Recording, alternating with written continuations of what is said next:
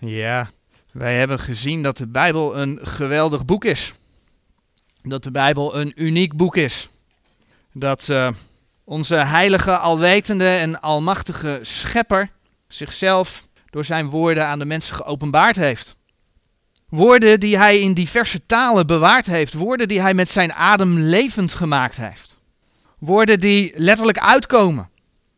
Woorden die leven geven. Woorden waar we ons mee moeten vullen. Dat is wat de Heer ons toe oproept. En zoals we gezien hebben, kan dat door het luisteren naar Gods woord, door het woord te lezen, door het woord te bestuderen, door het woord te overdenken en door het woord ook proberen te onthouden, te memoriseren. We hebben onlangs al even stilgestaan. Dat hebben we wel vaker gedaan, maar onlangs zijn we daar weer iets uitgebreider op ingegaan. Bij de Bijbelse studiemethode. Het recht snijden van Gods woord. Het schrift met schrift vergelijken. En dat dat laatste niet inhoudt dat je vertaling met vertaling moet gaan vergelijken. Maar dat je in de schrift, in de bewaarde woorden van God, hè, voor Nederland de Statenbijbel, op zoek gaat naar verbanden in dat woord. Laat de schrift zichzelf uitleggen. Maar de vraag vandaag is, hoe benader je dat woord? Hoe benader je dat woord van God? En bij die vraag willen we dan stilstaan. En de eerste tekst die we opzoeken is 1 Thessalonicense 2, vers 13. 1 Thessalonicense 2, vers 13. En in dat vers lezen we. Daarom danken wij ook God zonder ophouden, dat als gij het woord der prediking Gods van ons ontvangen hebt, gij het aangenomen hebt, niet als der mensenwoord, maar gelijk het waarlijk is als Gods woord dat ook werkt in u die gelooft. Dat is de basis. Mensen zien de Bijbel vandaag de dag veelal niet meer als de woorden Gods, maar als een boodschap. Ook daar hebben we eigenlijk al eerder bij stilgestaan. Maar het is in dit kader wel belangrijk. Meer als een boodschap die op een bepaalde manier verwoord is. En dat betekent dan dat mensen het ook niet erg vinden als die, die woorden op een gegeven moment op een andere manier op een andere manier verwoord worden door andere mensen. En dan denkt men dat die boodschap hetzelfde blijft. Maar ondertussen verandert men woorden daar in die tekst, waardoor de boodschap wel degelijk verandert. Als je gelooft dat God zijn woorden bewaard heeft, dan benader je die woorden als Gods woorden. Dan benader je die woorden als Gods woorden. En dan wil je die woorden ook niet aanpassen. Er zijn overigens verschillende plekken in de Bijbel waar de Heer ook oproept om er niet aan toe te voegen en er niet van af te doen van dat woord. Deuteronomium 4 kom je tegen, vers 2 als ik het goed heb. Spreuken 30, vers 6, Openbaring 22, vers 18 en 19. We moeten Gods woorden niet aanpassen. En dan komt er iets wat heel moeilijk voor ons mensen is. En dat komt omdat we eigenlijk allemaal in meer of mindere mate vanuit het verleden, van allerlei dingen die we gehoord hebben, zelfs op school, dat we voorgeprogrammeerd zijn. We zijn voorgeprogrammeerd om dingen over Gods woord ja, te geloven. En we nemen soms dingen voor waar aan die helemaal niet in Gods woord staan. En soms zijn dat zelfs dingen die God, door Gods woord worden tegengesproken. Daar moeten we heel alert op zijn. Een eenvoudig voorbeeld ik denk voor de meesten wel bekend, maar het is wel zo'n zo'n ding wat door, door, niet dus door iedereen, maar wel door velen aangenomen wordt als dat het zo is. Dat heeft te maken met Adam en Eva en de zondeval. Ik had wat kinderbijbels willen meenemen, maar dat ben ik vergeten. Om wat plaatjes te laten zien. Sorry. Maar ik denk dat we het wel herkennen. Toen Adam en Eva zondigden, toen aten ze van de boom der kennis des goeds en des kwaads. Dat lezen we in Genesis. Genesis 2 vers 9, Genesis 2 vers 17, Genesis 3 vers 6. Maar heel veel mensen nemen aan dat toen Eva van die boom plukte, wat voor vrucht pakte ze toen? Wat wordt er veel al aangenomen? Ik zeg niks. Een appel.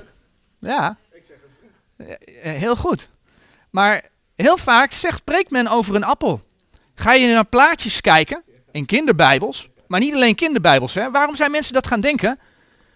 Ga maar eens naar kunstwerken over de, schepping kijken. De grote kunstmeesters.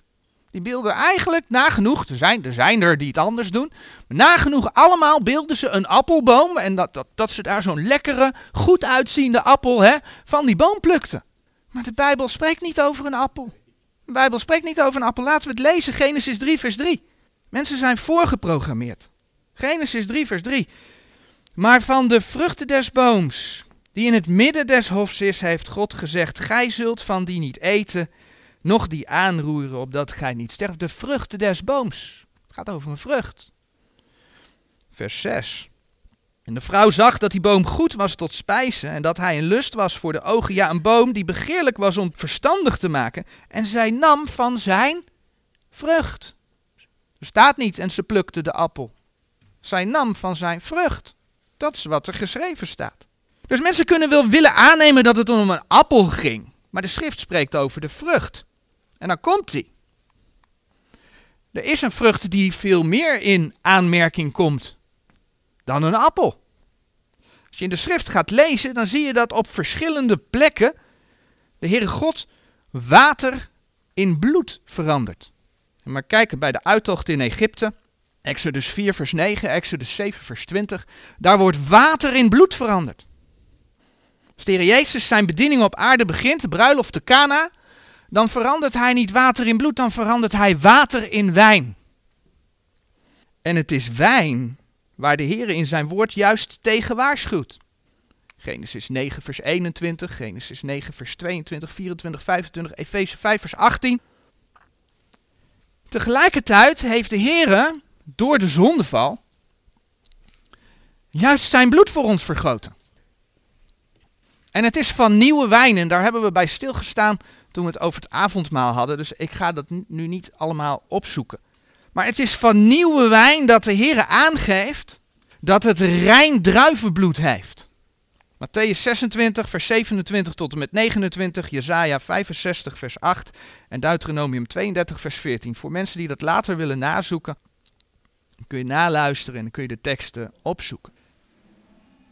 Dus de vrucht van de wijnstok komt wat dat betreft schrift met schrift vergelijkend. Als je kijkt naar wat de Heer door zijn woord heen doet, veel meer in aanmerking dan die appel.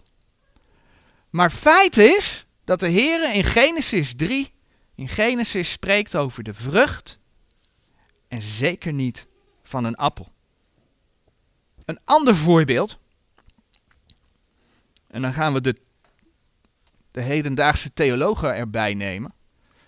Een ander voorbeeld is dat vele theologen, de theologen naroepen en zeggen, de Statenbijbel is fout vertaald, want kijk maar in het Grieks, daar staat op de plaatsen waar hel staat, daar staat Hades. Niet op alle plaatsen, maar op diverse plaatsen waar hel staat, staat in het Grieks Hades. En Hades betekent in het Grieks dodenrijk, dus we moeten niet vertalen met hel. Dat is wat er gebeurt. Maar men vergeet dat als je schrift met schrift gaat vergelijken, gewoon binnen de tekst, dat er in Lucas 16, vers 24 staat dat de rijke man in de hel kwam. En daar staat dan in het Grieks datzelfde woordje Hades, waar, waar de wetenschappers het over hebben. En waar is die man? Lucas 16, vers 24. Hij leidt smarten in deze vlam. Hoezo is Hades niet de hel? En zo zijn er veel meer voorbeelden te noemen waarin mensen, al dan niet ondersteund met theologische redenen, dingen zijn gaan aannemen die niet juist zijn. Kortom, je kunt ervan uitgaan dat de Heer zijn woord bewaard heeft en mag gewoon geloven in het bewaarde woord van God. Voor Nederland de Statenbijbel wat er geschreven staat. En dat moet je dan ook als uitgangspunt nemen. Net als de Thessalonicense moet je het woord aannemen, niet als het woord van mensen, maar gelijk het waarlijk is als Gods woord. Hè? 2 Thessalonicense 2 vers 13. En eigenlijk moet je dan proberen om zonder de voorgeprogrammeerde, ja zeg maar, vooroordelen, de Bijbel te lezen. Gewoon de Bijbel lezen. Dat is wat God namelijk tegen ons zegt. In ieder geval hoort Gods woord je toetsteen te zijn. En daarvan vinden we een mooi voorbeeld in Handelingen 17, vers 11. Handelingen 17, vers 11. En deze waren edeler dan die te Thessalonica waren. Als die het woord ontvingen met alle toegenegenheid, onderzoekende dagelijks de schriften of deze dingen alzo waren. De schrift is de basis en, en als er dingen beweerd worden, dan ga je in de schrift op zoek, klopt het? Klopt het wat men over dat woord beweert? Het volgende is, als die schrift je toetsteen is, als dat je basis is, dan moet je niet de neiging hebben om het woord van God aan je leer of je standpunten aan te passen. Maar dan moet je jezelf, je leer en je standpunten aanpassen aan het woord van God. En ook daarvan vinden we een mooi voorbeeld in Gods woord. In Handelingen 18. Als je Handelingen 17 hebt opgezocht, dan zit je er dichtbij. Handelingen 18 vanaf vers 24. Daar lezen we een gedeelte dat gaat over Apollos.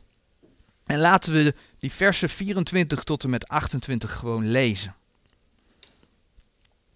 En een zekere Jood met name Apollos van geboorte een Alexandrijn, een welsprekend man, kwam te Efeze machtig zijnde in de schriften.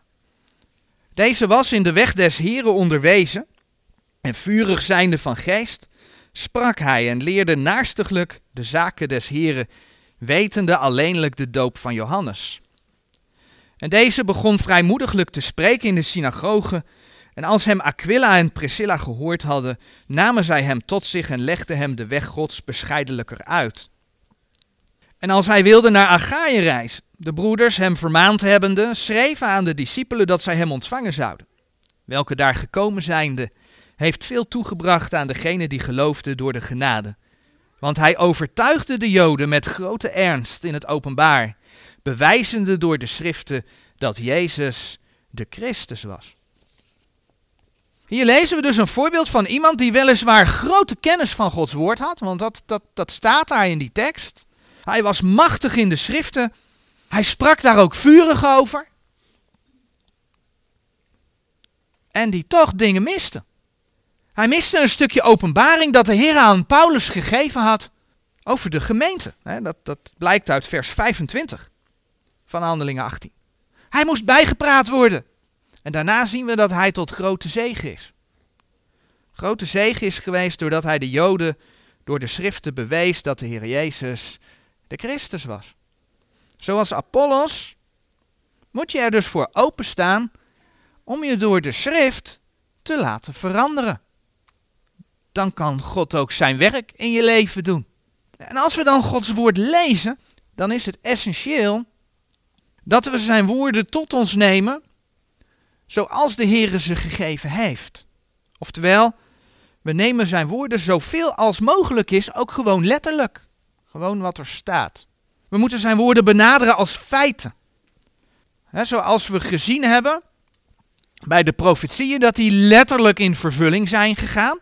En dus moeten we oppassen voor de moderne trend om de Bijbel te benaderen op een allegorische manier. Nou, wat is een allegorie? Een allegorie is een verhaal waarin alle dingen een andere betekenis krijgen. We lezen hier dit, maar het betekent dat. Nee, gewoon lezen wat er staat. En ik zeg moderne trend, maar de hele moderne schriftkritiek, die al sinds 1880 na Christus ontstaan is, is gebaseerd op onder andere het werk van een Jood Philo, die in Alexandrië, in Egypte de schrift aan het vervalsen was. De, de Bijbelse bron van de Statenbijbel, van de Reformatiebijbel, is Antiochieën, maar alle nieuwe vertalingen zijn gebaseerd op de tekst uit Alexandrië. Hij was daar de schrift aan het vermengen met filosofie, universiteit in Alexandrië. Notabene in de dagen dat de Heer Jezus op aarde rondliep, gebeurde dat al. Het was Philo die bijvoorbeeld beweerde dat Adam, Noach, Mozes en David niet werkelijk historische figuren zijn geweest. Nee, daar moest je, daar moest je, dat, dat is een verhaal. Daar moet je waarde uitkristalliseren. En eigenlijk zie je dat Bijbeluitleg daar tegenwoordig veel al mee doordrenkt is. Men gelooft niet in de letterlijke uitleg. Dat zie je steeds meer. Maar wel in normen en waarden die ze er dan uithalen. Nou, het grootste probleem hiermee is dat je dan met de Bijbel gewoon ook echt alle kanten op kunt. Want dan kun je er alles van maken. Want degene die dan het verhaal vertelt, is dan degene die bepaalt wat er staat.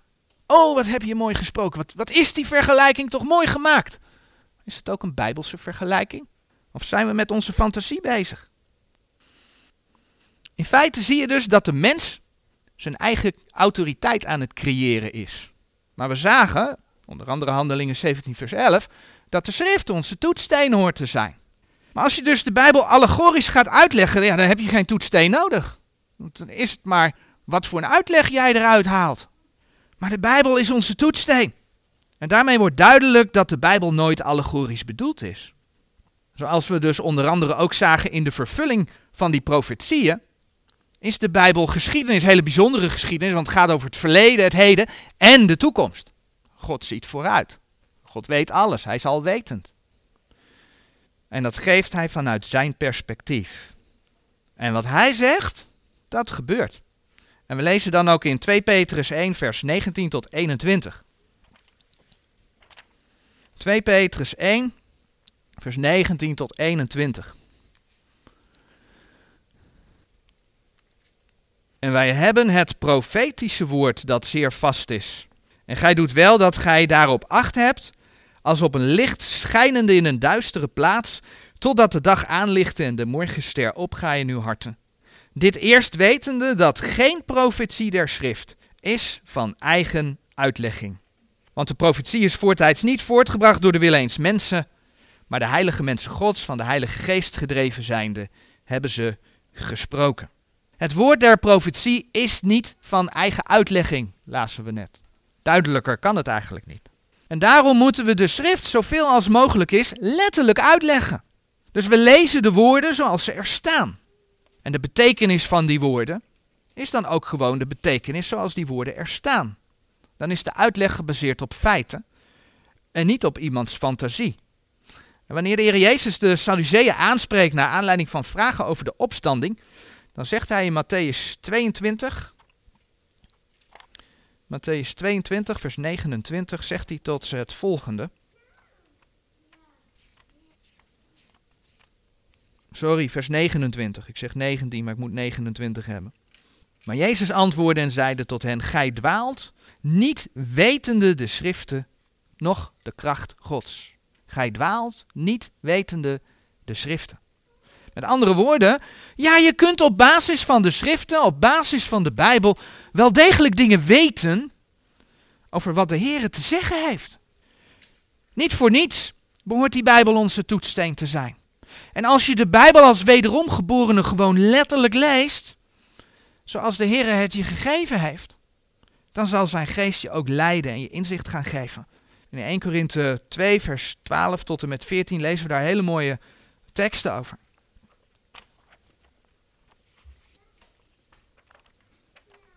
1 Korinthe 2 vanaf vers 12. Doch wij hebben niet ontvangen de geest der wereld, maar de geest die uit God is, opdat wij zouden weten de dingen die ons van God geschonken zijn, de welke wij ook spreken, niet met woorden die de menselijke wijsheid leert, maar met woorden die de Heilige Geest leert. Geestelijke dingen met geestelijke samenvoegende, schrift met schrift vergelijken. Maar de natuurlijke mens begrijpt niet de dingen die des geestes God zijn, want zij zijn hem dwaasheid. En hij kan ze niet verstaan, omdat zij geestelijk onderscheiden worden. Dus de Heer doet je op grond van zijn woord, op grond van het feit dat je zijn geest hebt gekregen, die dingen weten, die je van God geschonken zijn. En op die manier ben je niet zelf de autoriteit over de Bijbel, maar heeft de, de Bijbel autoriteit over jou. Maar, maar, maar de Bijbel heeft toch ook beeldspraak? Ja, natuurlijk heeft de Bijbel beeldspraak. Maar weet je wat het mooie van die Bijbelse beeldspraak is? Dat de Heer dat zelf uitlegt. Laten we naar Openbaring 1 gaan. Openbaring 1, vers 13, daar lezen we het volgende.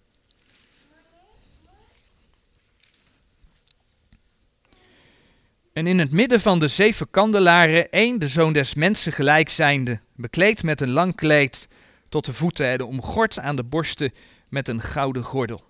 Hier wordt over zeven kandelaren gesproken. Kijk je in vers 16, dan lees je daar, en hij had zeven sterren in zijn rechterhand.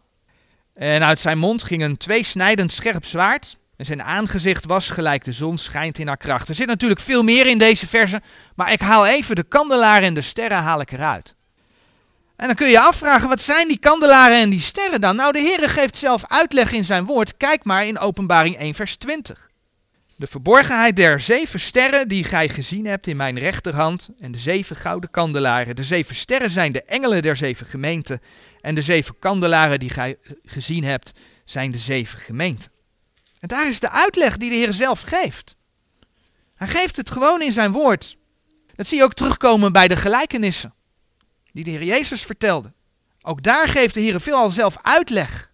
Wat hij met de beelden in die gelijkenissen bedoelde. En zo zie je dus dat je ook daarin Gods woorden gewoon letterlijk kunt volgen. Dan volg je zijn uitleg. En dat is heel belangrijk om vast te houden. Doe je dat niet, dan ga je over tot eigen uitlegging. Waar de Heer het tegen waarschuwt. Die versen hebben we gelezen. Dus bewaar de woorden van de Heer.